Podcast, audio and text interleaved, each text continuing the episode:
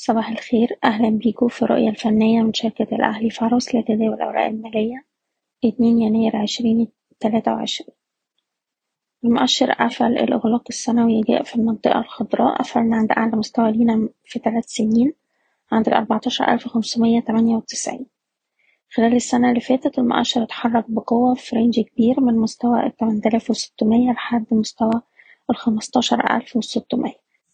والأداء ده جه مدعوم بزيادة كبيرة في أحجام التداول وتحسن كبير في مؤشرات صحة السوق.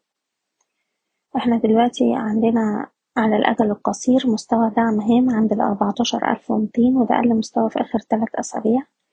طول ما إحنا فوق المستوى ده في إمكانية إن إحنا نشوف استمرار لمحاولات الارتداد اللي تودينا لمستويات المقاومة عند الأربعتاشر ألف سبعمية وخمسين ولمستوى الخمستاشر ألف ومتين ننصح دلوقتي على الأجل القصير بالإحتفاظ ورفع مستويات حماية الأرباح. لأقرب دعم حسب كل سهم على حدة بشكركم بتمنى لكم التوفيق.